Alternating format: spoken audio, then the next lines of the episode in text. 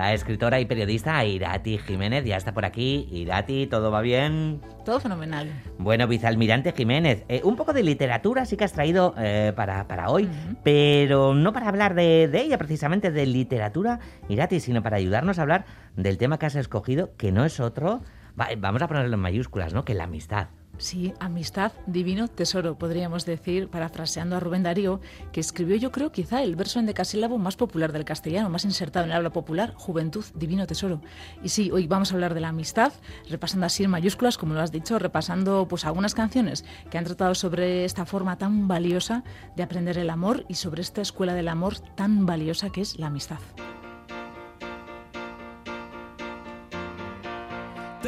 For being a friend. Travel down a road and back again. Your heart is true, you're a pal and a confidant.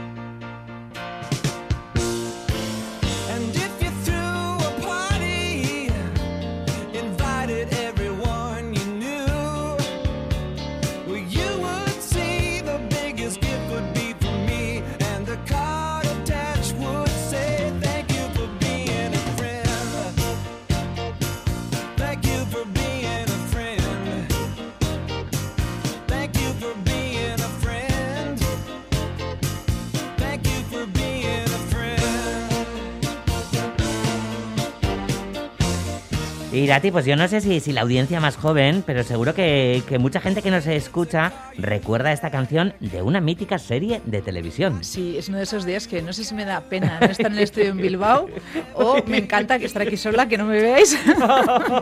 aquí la estamos gozando. Haciendo un poco el bailecito, pero bueno. Claro, aquí estamos igual. Sí. Esta es canción fantástica en una versión, es verdad que abreviada y cantada por una mujer, por Cynthia Fee, fue entre 1985 y 1992. La sintonía de Las Chicas de Oro, una teleserie súper divertida a la que yo creo que no se le da el, crédito suficiente, que no nos acordamos de ella lo bastante, y que contaba la vida de cuatro amigas. Eran tres amigas y la madre de una de ellas, la más mayor, vivían en Miami, Florida, en sus años dorados. Todos todas eran unas señoras pues estupendas, una de ellas divorciada, otra soltera, dos de ellas eran viudas, que se decidían a vivir juntas en un momento de la vida en el que parece que tenemos que vivir o bien en familia o bien pues solos, ¿no? Y ellas hacían esta apuesta inédita en televisión por irse a vivir con sus amigas. Era súper bonito y la serie marcó un antes y un después en la televisión porque hasta entonces se solían hacer este tipo de telecomedias que son pues de 20-25 minutos y tal en formato de o bien de familias, normalmente además separadas entre familias blancas y familias negras o en un formato profesional, o sea que pasaban pues en la redacción de un periódico, en una comisaría, en una radio, sitios así, ¿no?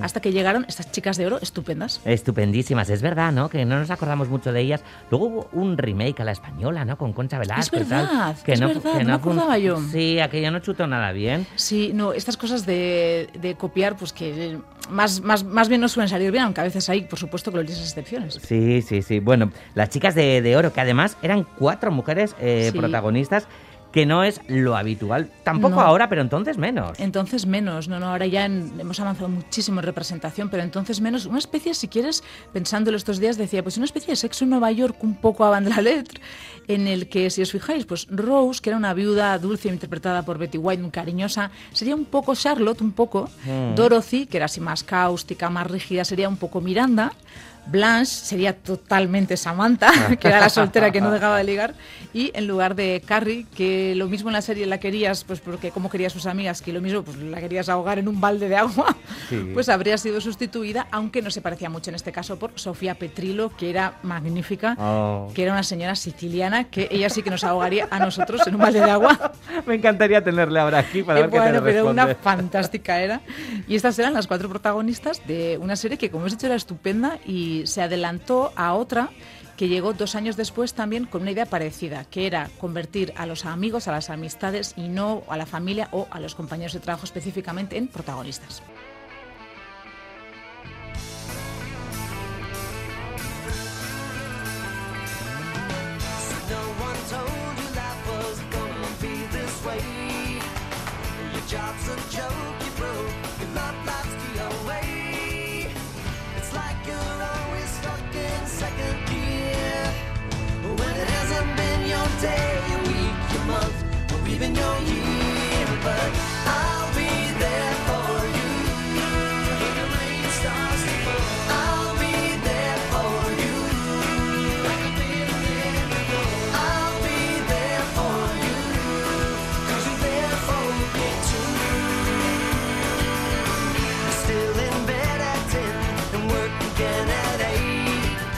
Irati, no sé cómo lo vimos en el estudio de Iruña, pero aquí en Bilbao estamos eh, todo el mundo cantando y bailando. Me he Bueno. sujetado en hacer los aplausos. Bueno, esta sintonía pues no puede ser más conocida, desde no, luego. no, realmente después de tantos años, primero de reposiciones y después tanto éxito en plataformas, pues no parece posible que alguien no conozca la sintonía de Friends, interpretada por The Rembrandts, esta teleserie creada por David Crane y Marta Kaufman para la NBC, que es la misma que había hecho Las Chicas de Oro, o sea que encadenaron un éxito con otro, duró desde 1994 hasta 2006, un récord de 10 temporadas para este tipo de formatos que se superó hace muy poquito con The Big Bang Theory, que hizo 12 temporadas en antena.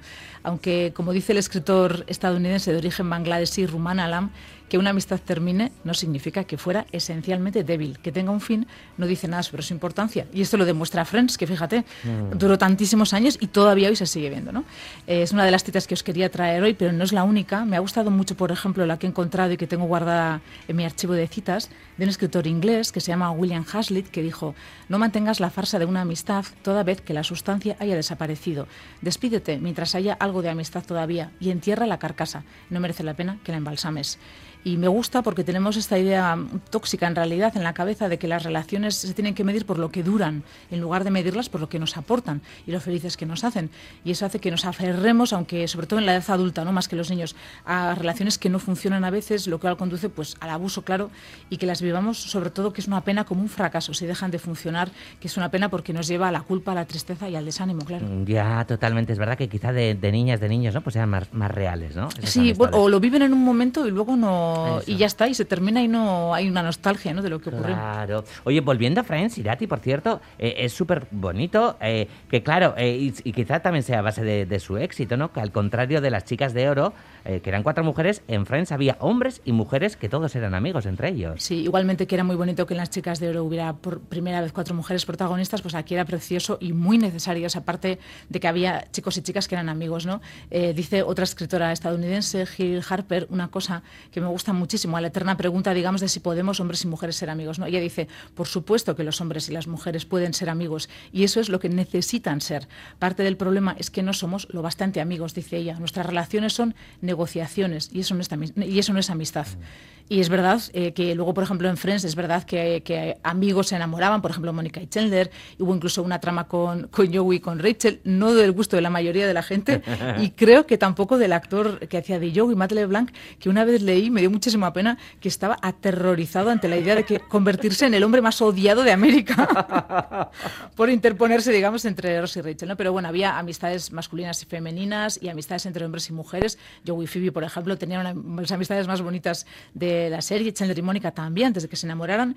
Y fue bonito también que, que se empeñaran, yo creo, en la serie en subrayar, que no sé si la audiencia estará de acuerdo, en que lo que hacía funcionar la pareja romántica de Chandler y Mónica, por ejemplo, era que habían sido amigos, que era algo que les ayudaba, ¿no? Eh, obviamente eso no tiene por qué pasar siempre, eso es una tontería, no, no que tengas que ser amigo antes de ser pareja, pero sí creo que en toda forma de amor tiene que estar incluida una forma de amistad, que es pues al final el vínculo de unión entre iguales que se buscan, que se eligen, que se gustan y que se dan brilli brilli y que se celebran y que respetan la soberanía del otro y que se encantan.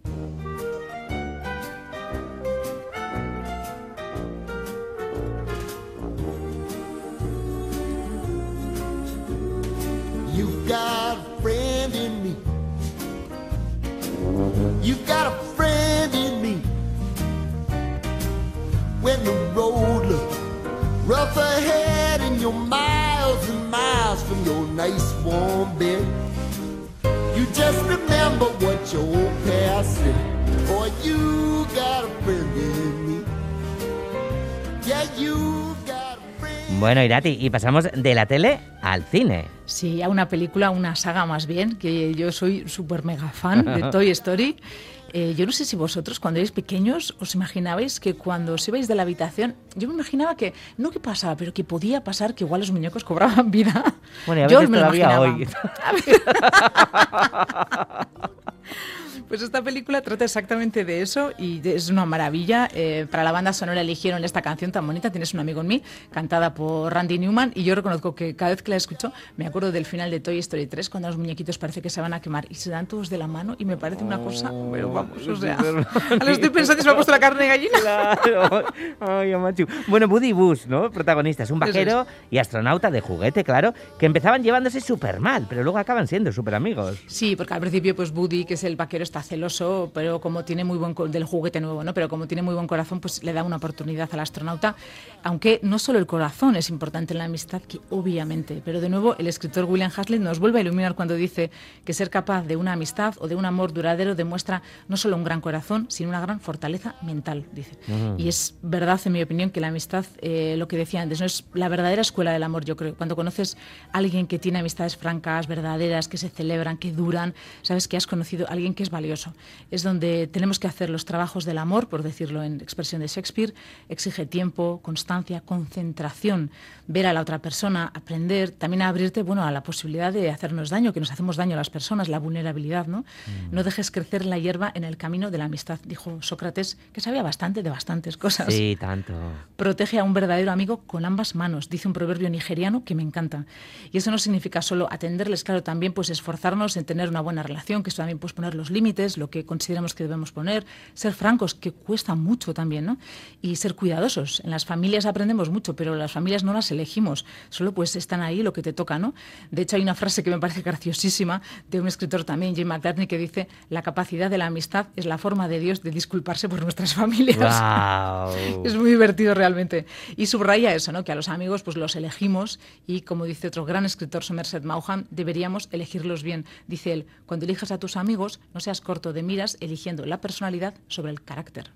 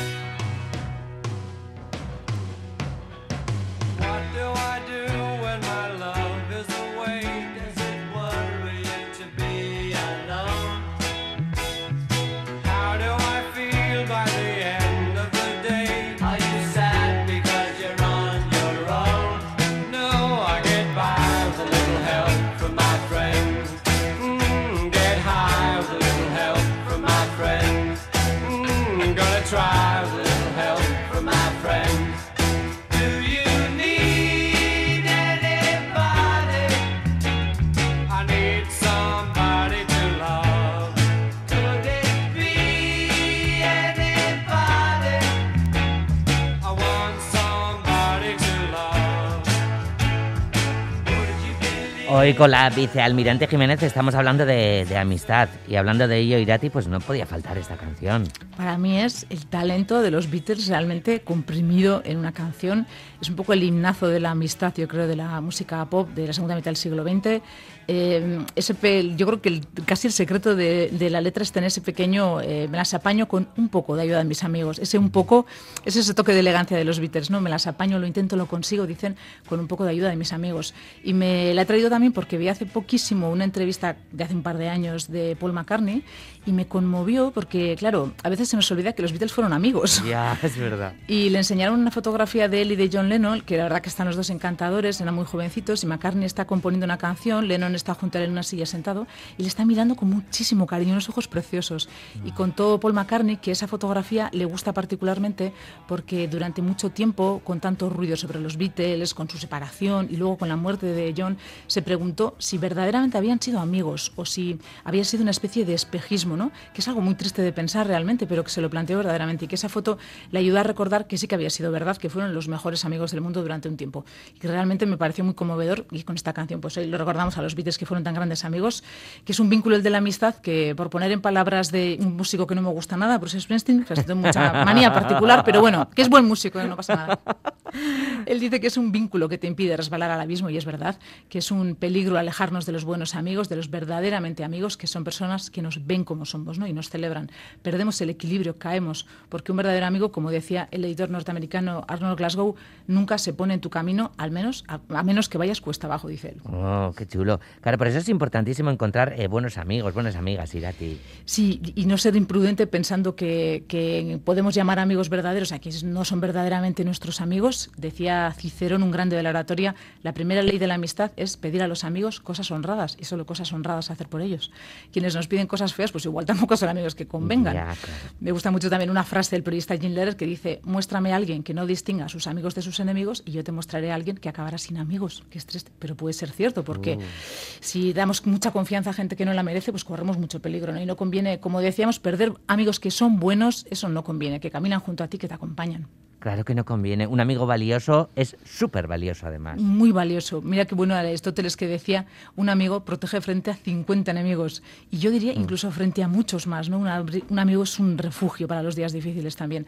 Albert Schweitzer, que fue médico, músico, que ganó por su labor humanitaria un premio Nobel de la Paz, que me gusta mucho, decía que en la vida de todo el mundo llega un momento en que perdemos nuestra llama interior, hasta que vuelve a inflamarse en contacto con otro ser humano. Y que todos deberíamos estar agradecidos a esas personas que nos conectan con nuestro espíritu interior, que es precioso este pensamiento. Y yo creo que eso hacen los buenos amigos que encienden los fuegos. Mm.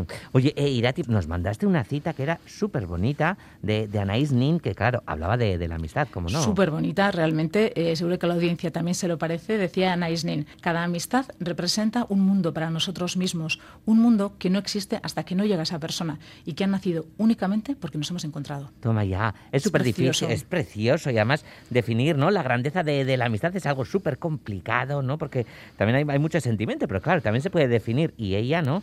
¿Cómo se acerca? Sí, sí, sí, ese mundo, bueno, en todo vínculo, no hay un mundo que solo ocurre con esa persona. Para mí, para- también para mí se acercó muchísimo William Arthur Ward, que fue uno de estos oradores motivacionales típicos de la cultura yankee, que dice siempre cosas interesantes y con esto estoy muy de acuerdo. Dijo, un verdadero amigo conoce tus debilidades, pero te muestra tus fortalezas, siente tus miedos, pero fortalece tu fe. Ve tus ansiedades, pero libera tu espíritu. Reconoce tus discapacidades, pero enfatiza tus posibilidades. Y esto realmente visto así es central, ¿no? Nuestros amigos nos ven como somos. Si no ves a alguien no lo puedes querer, pero eso no significa que te idolatren, que no vean tus miedos, tus defectos, en un momento si quieres llamarlo así, que es un poco duro tu humanidad, ¿no? Pero ven también tu mejor versión y apuestan por ti. Y cuando encontramos eso hay que aprovecharlo, pues mirarte ahí, sacar fe de eso para impulsarte tú hacia adelante, ¿no? Porque si nos quieren es que merecemos amor y si tienen fe en nosotros es que podemos tener fe en nosotros para no resbalar, como decía Springsteen, en el abismo. Por eso crecemos, si aprovechamos la oportunidad que nos brinda una amiga, un amigo, y por eso pues no conviene llamar amistad o mantener amistad con quien no nos deja crecer, porque no le gustamos, porque no nos quiere, por lo que sea, ¿no? Pocos lo habrán dicho quizá mejor, lógicamente, que ese coloso de colosos que fue William Shakespeare, dijo, un amigo es aquel que te conoce como eres, entiende dónde has estado, acepta en lo que te has convertido y, sin embargo, gentilmente te permite crecer.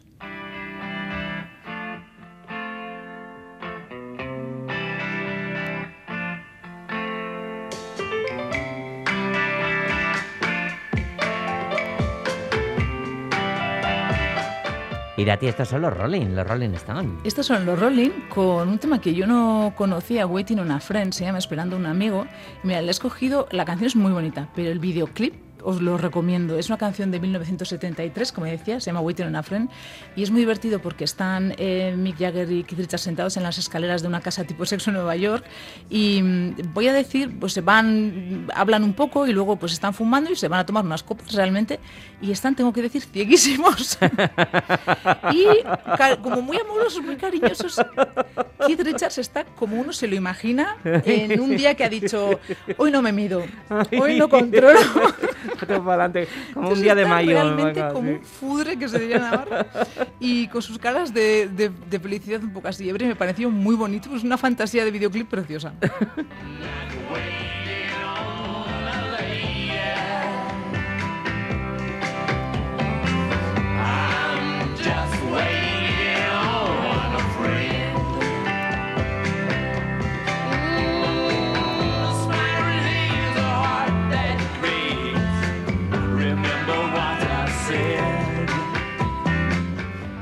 Qué bueno, Irati, qué bueno es, ¿no? Definir, ¿no? Las cosas que sentimos, pero cuando las ponemos en palabras, no sé, yo salgo Sí. con unas ganas de dar aquí ahora abrazos a mis amigos, a los que echas de menos.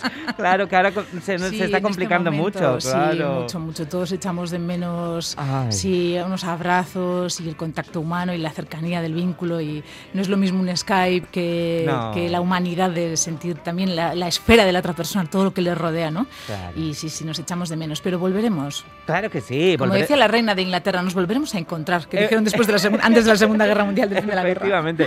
Y aquí nos volvemos a encontrar. Irati, Milla Esquerta, Besar, Cadandivas. Soy Gerarte.